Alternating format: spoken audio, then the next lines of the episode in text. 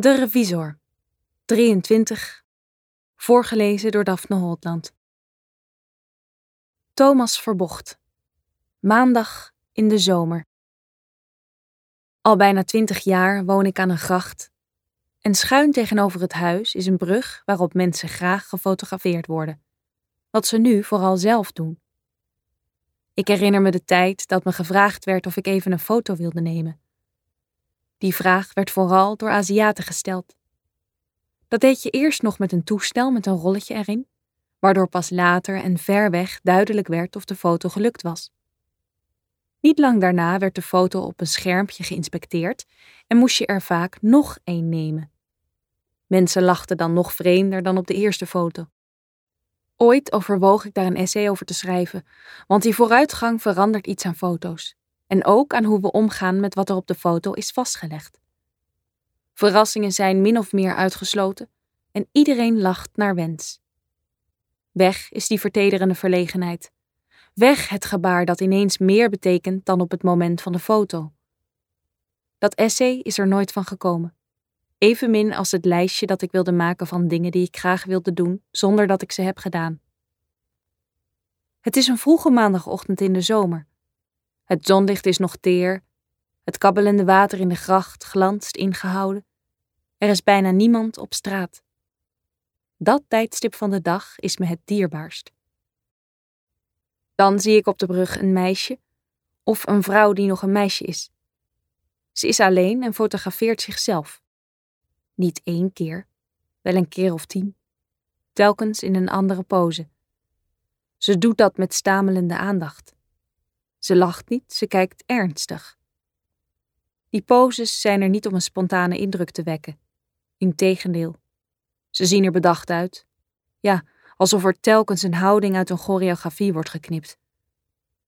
Misschien is ze wel met kunst bezig of kunst aan het voorbereiden. Wanneer was het ook alweer dat je vaak kon lezen dat een kunstenaar zijn of haar lichaam als materiaal beschouwde? Vreemd dat ik me niet herinner wat ik ervan vond. Het tafereel is fascinerend. Ik kan niet ophouden naar haar te kijken. Ze heeft iets te maken met het tere licht, maar ik weet niet wat. Daarom blijf ik ook staan kijken. Ik wil haar graag van nabij zien. Het liefst haar aanspreken. Gewoon een praatje dat mensen soms met elkaar hebben wanneer het stil is op straat en de dag pas is begonnen. Ik wil haar stem horen. Misschien vragen of het ergens voor is wat ze aan het doen is, terwijl ik ook wel weet dat alles ergens voor is. Alles. Het is nog te vroeg om zogenaamd naar de supermarkt te gaan met een duidelijk zichtbare boodschappentas, maar met een envelop naar de brievenbus lopen kan natuurlijk. Een brievenbus kent geen tijd, hoewel ze bijna uitgestorven zijn. Stond ook op het nooit gemaakte lijstje: brievenbussen redden en weer rood verven. Als ik met een grote envelop mijn huis verlaat, hoor ik een stem. Thomas, mag ik je wat vragen? Die stem is van een vrouw die me vaag bekend voorkomt. Een overbuurvrouw? Zij kent mij dus wel, wat me bevalt. Want de vrouw is, wat zo makkelijk heet, een aangename verschijning, met glittertjes op haar kleding en ook een paar in haar haar. Natuurlijk, zeg ik. En ik voel vaag de man van de wereld in me wakker worden.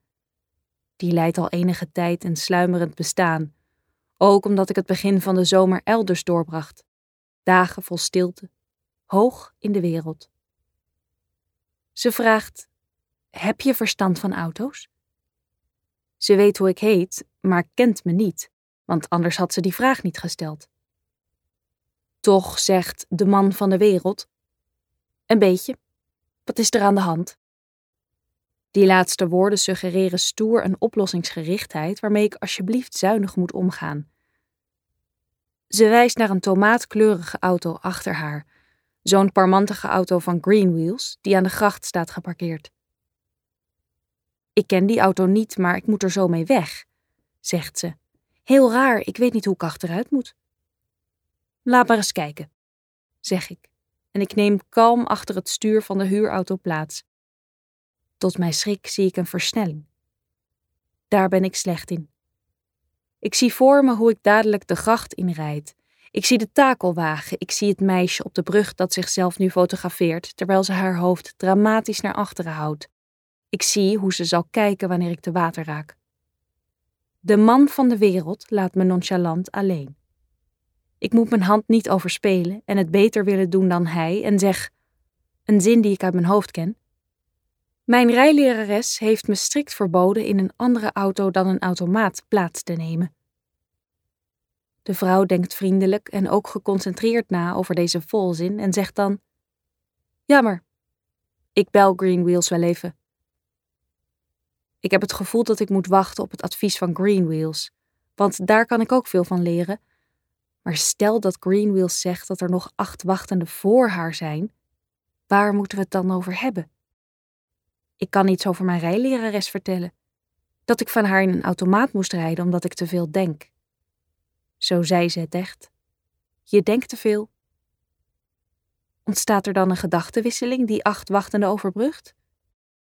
Ik zeg dat ik helaas haast heb en houd mijn envelop even omhoog. Daar komt die haast door, door die envelop.